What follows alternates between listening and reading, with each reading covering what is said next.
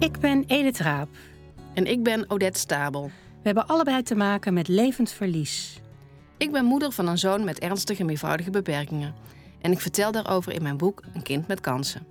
Ik vertel aan studenten over levend verlies als docent ouderbegeleiding aan de Hogeschool Utrecht. Levend verlies. Steeds terugkerende gevoelens van verlies, verdriet en rouw van ouders met een kind met een beperking of chronische aandoening. We maken de podcast om meer bekendheid te geven aan levend verlies. In onze podcast komen ouders en hulpverleners aan het woord over levend verlies. Wat is levend verlies precies en hoe kunnen hulpverleners ouders ondersteunen?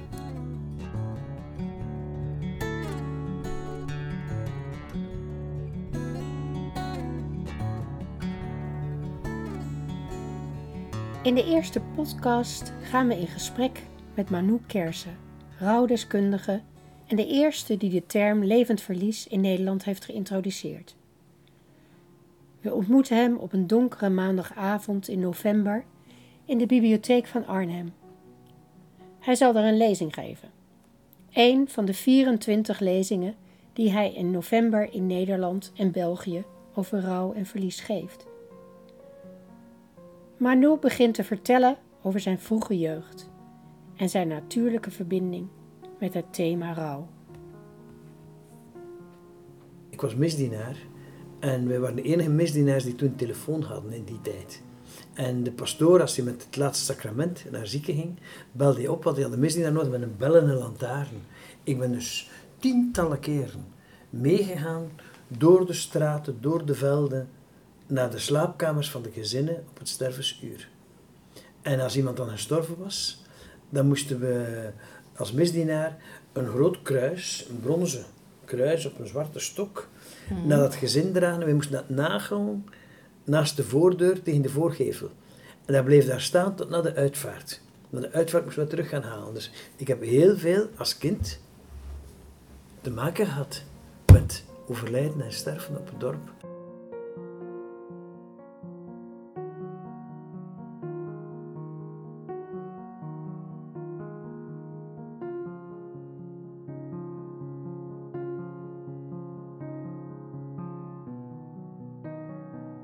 Ik ben Manu Kersen. Ik ben eh, emeritus hoogleraar verliesverwerking aan de Katholieke Universiteit van Leuven. Ik heb uh, in mijn leven uh, alle mogelijke functies in de gezondheidszorg vervuld. Begonnen als klinisch psycholoog, directeur van het grootste ziekenhuis van het land geweest gedurende verschillende jaren. Uh, kabinetchef geweest van de federale minister van Volksgezondheid, wat je in Nederland kunt vergelijken met de staatssecretaris. Maar één rode draad die door heel mijn loopbaan loopt, is dat ik altijd erg geboeid ben geweest. Hoe komt het toch dat mensen niet kunnen omgaan met de verdrietige momenten in het bestaan die sowieso tot het leven behoren? We zitten hier speciaal voor levend verlies, hè? dus weer een stukje, een bijzonder stukje van de rouw. Mhm. Ehm, in uh, je laatste boek gaat het langste hoofdstuk over levend verlies. Ja. Zou je kunnen vertellen waar je persoonlijke fascinatie over levend verlies vandaan komt? Ik heb zo vaak reacties gehoord waardoor mensen in het onbegrip worden geduwd. Mensen die een kind hebben met zware beperkingen, met een chronische aandoening of een partner hebben, uh, krijgen zo, zo vaak de opmerking, of soms zelfs de opmerking niet, maar een blik die suggereert van, heb je dit nu nog niet verwerkt? Mhm. Je moet het hebben verwerkt alsof dit voorbij zou zijn en dit uh, achter de rug zou zijn op een bepaald moment. En mensen uh, worden daardoor onrecht aan gedaan. Uh, ook heel vaak hoor ik de reactie van je moet de handicap van je kind aanvaarden. En denk ik, hoe kan men nu zoiets aan mensen zeggen? En pas op, ik heb het ook ooit gedacht en gezegd vroeger. Maar ik vind het eigenlijk onmenselijk om aan mensen te vragen van de handicap van een kind te aanvaarden. Je kan aan mensen voorstellen om hun kind te aanvaarden met een beperking. Maar dat is iets helemaal anders. Dan vragen ze de beperking aanvaarden waar hun kind mee door het leven moet gaan. U zegt um, dat u het vroeger ook anders heeft gedacht. Ja. Wat was dan wat u deed veranderen van mening? Wel, van inzicht? Ik had de natuurlijke spontaneiteit van iedereen van je moet mensen helpen om dat leven op orde te krijgen. Mhm. En je moet mensen helpen om dit te structureren. En je moet mensen helpen om terug van het leven te kunnen genieten na die zware eh, tegenslag die eigenlijk op hun weg is gekomen. Eh, en eh, heel spontaan dacht men dan, mensen moeten dit aanvaarden, mensen moeten we helpen daar geen probleem meer mee te hebben, eh, terwijl dat probleem daar elke dag weer voor ogen staat. En ik voelde van, er klopt iets niet. En ik ben gaan zoeken en eh, gaan luisteren naar mensen van, wat is dat eigenlijk, dat leven eh, met een beperking? En toen dacht ik, ja, hoe kan je nu dit op een bepaald moment hebben verwerkt of hebben aanvaard? Wat is dat nu eigenlijk? En ik ben in het verder zoeken. eh, Dit, dit eindigt nooit voor mensen. En we moeten andere antwoorden proberen te vinden, waar mensen zich in herkennen en die voor mensen tot ondersteuning, eh, een ondersteuning betekenen. Er is eigenlijk heel veel niet erkend verlies in onze samenleving. En mensen met een beperking is voor mij een vorm van verlies dat lange jaar niet erkend is geworden. Het wordt wel eens erkend als men de diagnose stelt. Maar die wordt mooi opgetekend in het medisch dossier. En het is er en de mensen gaan naar huis met het probleem. En de medische wereld en de zorgwereld stond daar eigenlijk niet zo diepgaand bij stil meer. Jij bent degene die het begrip in Nederland heeft geïntroduceerd. Tenminste, in mijn ogen als zorgmoeder is levend verlies onherroepelijk verbonden aan Manu Kersen. Ehm, en als ik de literatuur ga lezen, dan zie ik dat in de jaren 60 eigenlijk het woord chronische rouw ook in combinatie met zorgouders al opduikt. En we zitten in 2018 en het lijkt dat er nu eindelijk wat aan het gebeuren is. Hoe kan het dat het 50 jaar geduurd heeft voordat het voet aan de grond heeft gekregen? Ik ben gaan zoeken hè, en Olgansky heeft het begrip de eerste keer gelanceerd in de 60er jaren van vorige eeuw. Ja. Dus dat is meer dan 50 jaar geleden. Dus voor mij ook de fundamentele vraag, maar hoe komt dat? Dat zo'n zo'n wijs inzicht de medische wereld en de samenleving niet heeft beheesterd en niet is doorgedrongen. Ik heb daar geen antwoord voor. De enige verklaring die ik daarvoor zie is dat heel onze medische wereld en onze gezondheidszorgwereld altijd bang is geweest van dichtbij verdriet van mensen komen. Algemeen hebben we gezien dat men bang was van omgaan met verdriet in, in de zorgwereld. En het is zo onlogisch dat het zo wordt weggeduwd. En ik moet toch altijd zeer genuanceerd blijven. Want ik heb geleerd van daarbij stil te staan van de huisarts van mijn kinderjaren. Die toen een jongetje van vier verongelukte in de straat waar ik woonde. Aan mijn moeder zei, ga met uw kinderen afscheid nemen. Want die kinderen moeten morgen door diezelfde straat terug naar school. En dan moeten die kinderen dat verstaan als ze dat niet hebben gezien. En ik herinner me nog dat jongetje. Ik zie het nog voor mijn ogen liggen tussen die witte lakens. Het is 65 jaar geleden. Enkel een handje van het kind konden wij boven de lakens zien. Het hoofd was één grote bol wit verband. Want het hoofd was verpletterd onder de wielen van die vrachtwagen. Maar die huisarts raadde aan, we gaan er naartoe. Ik heb de kans gehad om die man toen hij 75 was te bedanken daarvoor. Had de tranen in zijn ogen. De enige die toen mijn raad heeft opgevolgd is uw moeder geweest,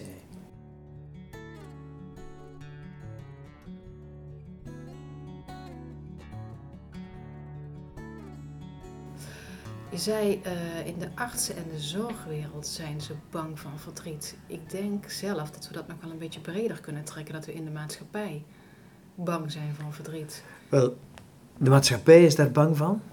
En artsen en zorgverstrekkers zijn eigenlijk niets anders dan zonen en dochters van mensen in die samenleving.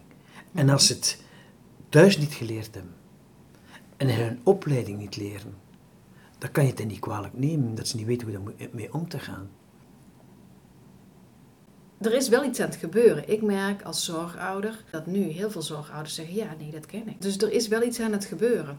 Zijn er dan al openingen nu op universiteiten, in die opleidingen, ehm, om daarover te gaan leren? Willen, mogen die vakken nu wel gegeven worden? Ik denk dat het nog steeds stiefmoederlijk behandeld wordt. Ik vind het jammer.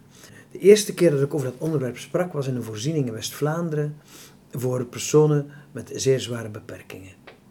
En er was een zaal van ouders en familieleden die daar zaten, 200 mensen.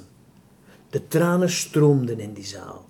Tranen van herkenning, van eindelijk iemand die eens verwoordt wat wij voelen, wat wij niet konden zeggen op die manier, maar die dit woorden heeft gegeven, wat hier leeft en wat wij missen in de samenleving en in de voorzieningen. Ik heb je ook zien spreken in zalen met ehm, ouders en zorgverleners. En als je dan om je heen kijkt, dan zie je inderdaad ouders zwaar geëmotioneerd zijn en zorgverleners zie je vaak geschokt zijn. En die zeggen ook als eerste daarna van, oh, al die jaren hier en ik heb het nooit geweten. Ja. Hoe kan het dat je jaar na jaar omringd wordt door ouders? Geconfronteerd wordt met boosheid, met verdriet, met, met alles wat erbij hoort en het toch niet ziet. Misschien hebben ze het wel gezien, maar hadden ze geen taal om het te benoemen. En je kan eigenlijk maar echt met iets omgaan als je het ook in taal hebt kunnen omzetten. En ik heb geprobeerd wat ik hoorde en voelde bij mensen in taal om te zetten. Waardoor het voor mensen ook hanteerbaar wordt. Waardoor het ook vertelbaar wordt aan anderen. Waardoor het verwoordbaar wordt. Waardoor het ook kan benaderd worden. Ja, dat herken ik. Ja, nou ja, ik ben wel benieuwd, want wij hebben er ook wel regelmatig over dat sommige ouders niet zo zich herkennen in het levend verlies, sommige zorgouders. En we vragen ons af van hoe, hoe kan dat? Waar zou, waar zou hem dat in zitten dat sommige ouders dat sterker ervaren of zeggen dat sterker te ervaren levend verlies dan Een van de typische kenmerken in het omgaan met een levend verlies, zoals ik dat beschrijf in mijn boek, is de demping van gevoelens. De demping van gevoelens. Uh, gevoelens verliezen als het ware hun lichtsterkte in de positieve en in de negatieve zin. En mensen hebben neiging om zich te conformeren aan de samenleving waarin ze leven. Dat is een grondbegrip uit de sociale psychologie. En als je in een samenleving leeft waar dat, uh, waar je eigenlijk na de mededeling en na de eerste weken dit moet gewoon worden, dan zie je dat mensen zich proberen te conformeren, want anders zijn ze abnormaal en staan ze aan de kant van die samenleving. Ja. Toch hoor ik ook ouders zeggen van ja, maar ik heb dat helemaal niet, want ik ben heel positief ingesteld en ik richt me op het positieve. Ehm, en dat mag natuurlijk. Maar dat brengt mij wel aan het twijfelen van ligt het dan toch een beetje aan mij? Um, en ik snap dat van het dempen van de gevoelens, dat eh, herken ik ook wel. Maar is er toch ook nog iets anders? Of heeft echt iedereen het, maar weten we het dan niet van onszelf? Ja. Je kan op een positieve manier met verdriet en met verlies omgaan. Je kan er ook op een pessimistische en op een negatieve manier mee omgaan. En je hebt optimistische mensen en je hebt pessimistische mensen in de wereld. En die kijken door een andere bril naar de werkelijkheid. Maar dat wil niet zeggen dat ze die realiteit niet beseffen. Ik moet zeggen, ik heb nog niet zoveel mensen meegemaakt die dit niet fundamenteel herkennen. Uh, maar mensen uh, moeten, niet, moeten niet huilen van verdriet. Mensen moeten niet down zijn van verdriet. Mensen kunnen ook op een heel andere manier daarmee omgaan. In mijn boek schrijf ik over instrumentele rouw en intuïtieve rouw. En intuïtieve rouw komt in emoties naar buiten. Instrumentele rouw komt naar buiten in rationeel daarmee bezig. Ik moet daar iets aan doen, ik moet het oplossen, ik moet het hanteren, ik moet het aanpakken. Dus eigenlijk zegt u, ze, zorgouders kennen en herkennen deze gevoelens allemaal, alleen de uiting is anders en vanwege het anders uiten begrijpen ze misschien niet precies wat ermee bedoeld wordt en zeggen ze ik heb het niet.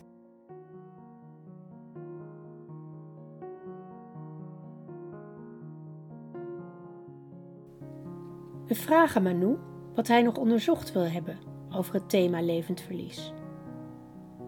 Zijn antwoord zegt veel over wie hij is.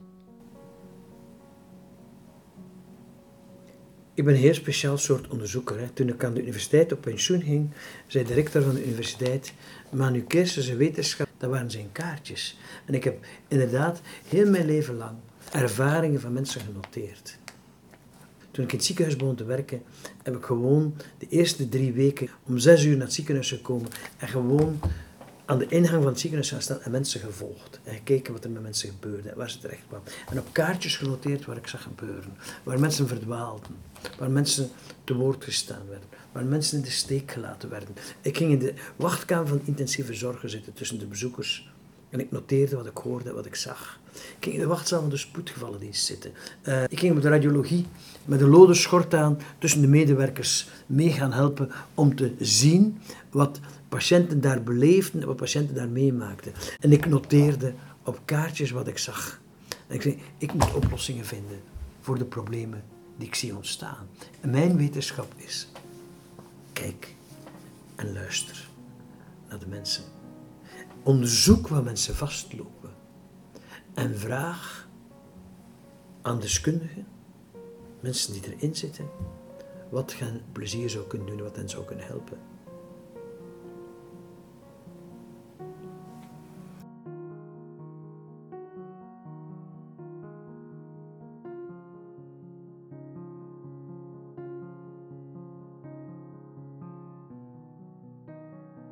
Wat zou u uh, professionals, beroepskrachten aanraden om te doen? Eén raad zou moeten zijn, wat moet je doen? Luisteren naar mensen.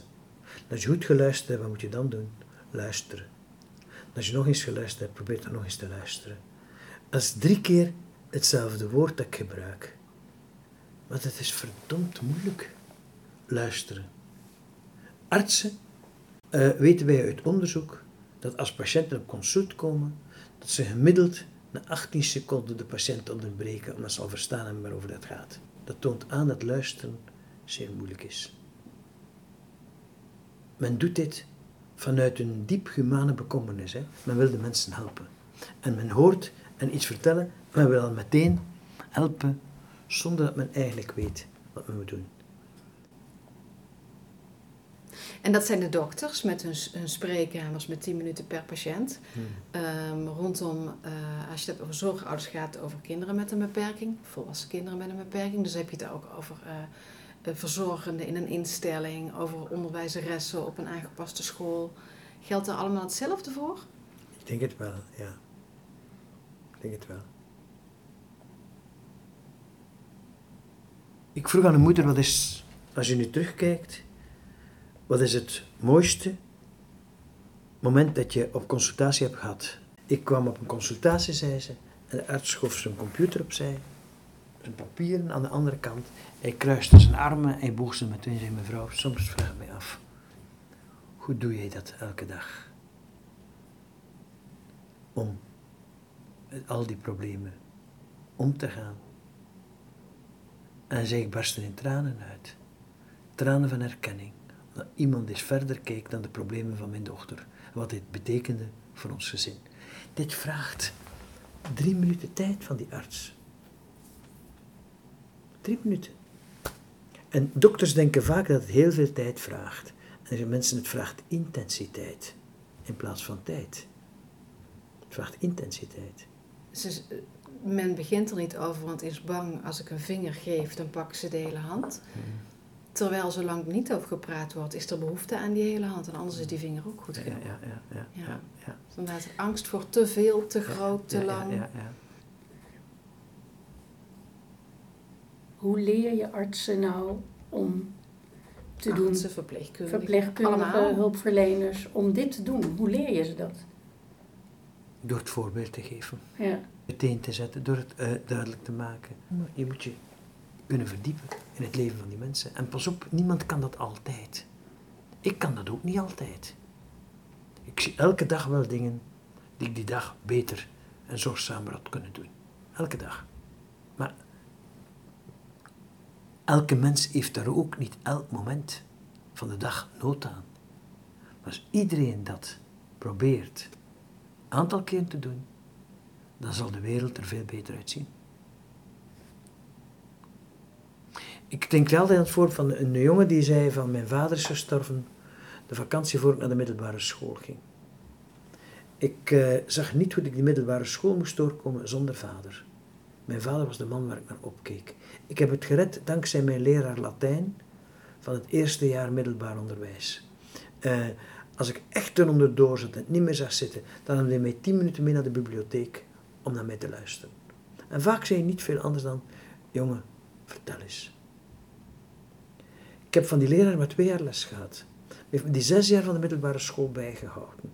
En elke keer als ik eronder zat, stond hij daar.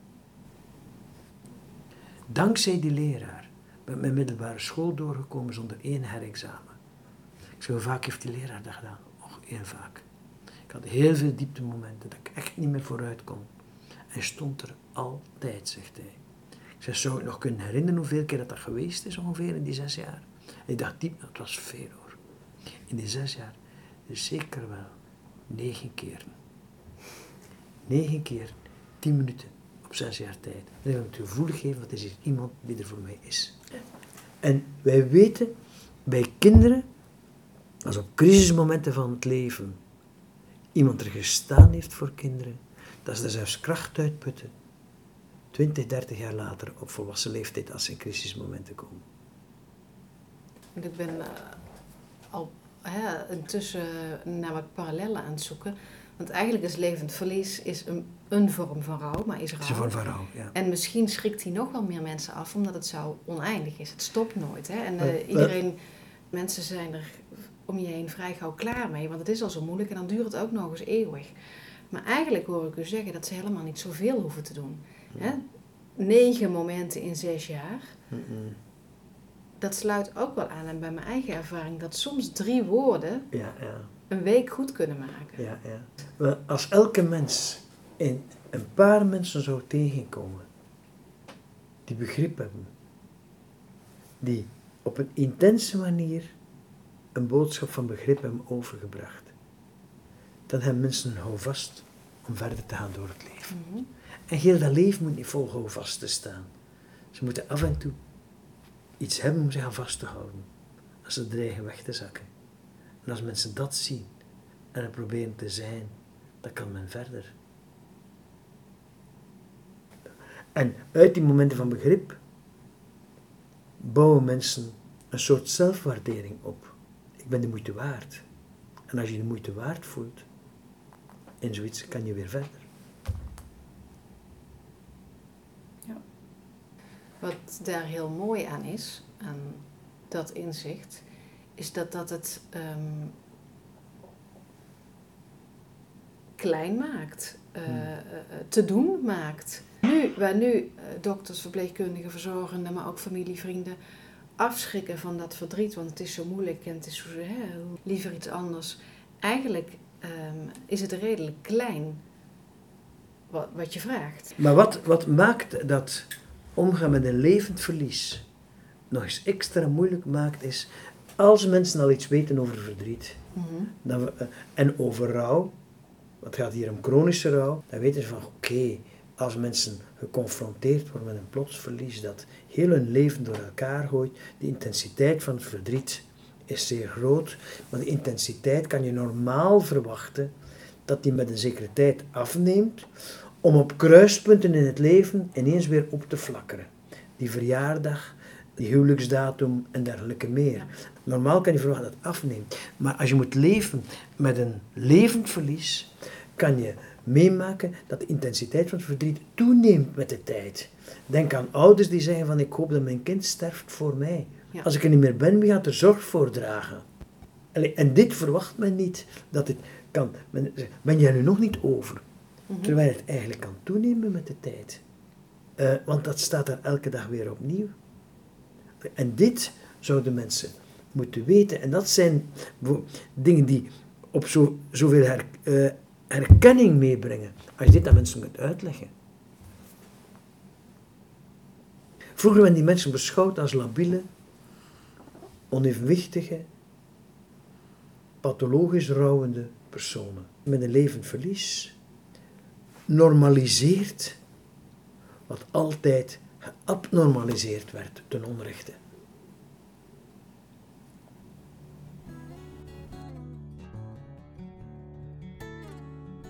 praten nu heel vaak over levend verlies als het gaat om ouders van kinderen met een ernstige beperking.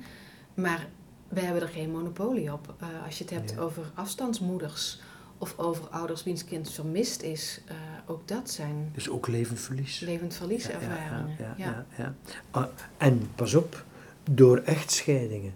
Grootouders die hun kleinkinderen niet meer zien. Ja, precies. Kleinkinderen die hun grootouders niet meer mogen zien. Kinderen die hun vader niet meer zien na een scheiding. Ja. Ook, dus het komt veel breder in de samenleving het is veel voor. Breder, het komt veel breder in de samenleving voor.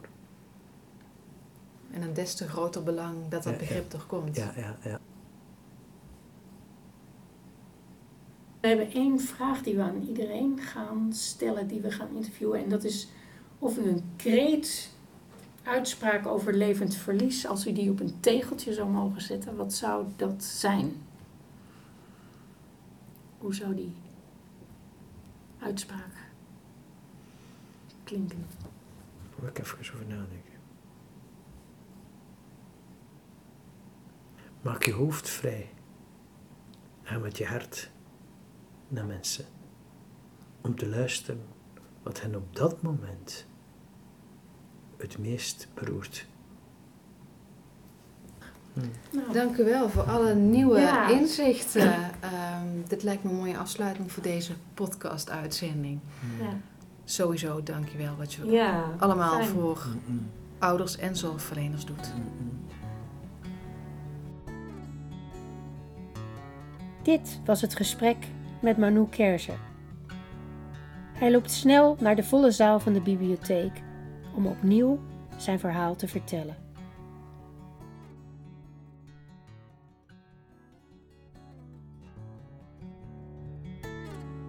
Elke laatste zondag van de maand een gesprek over levend verlies.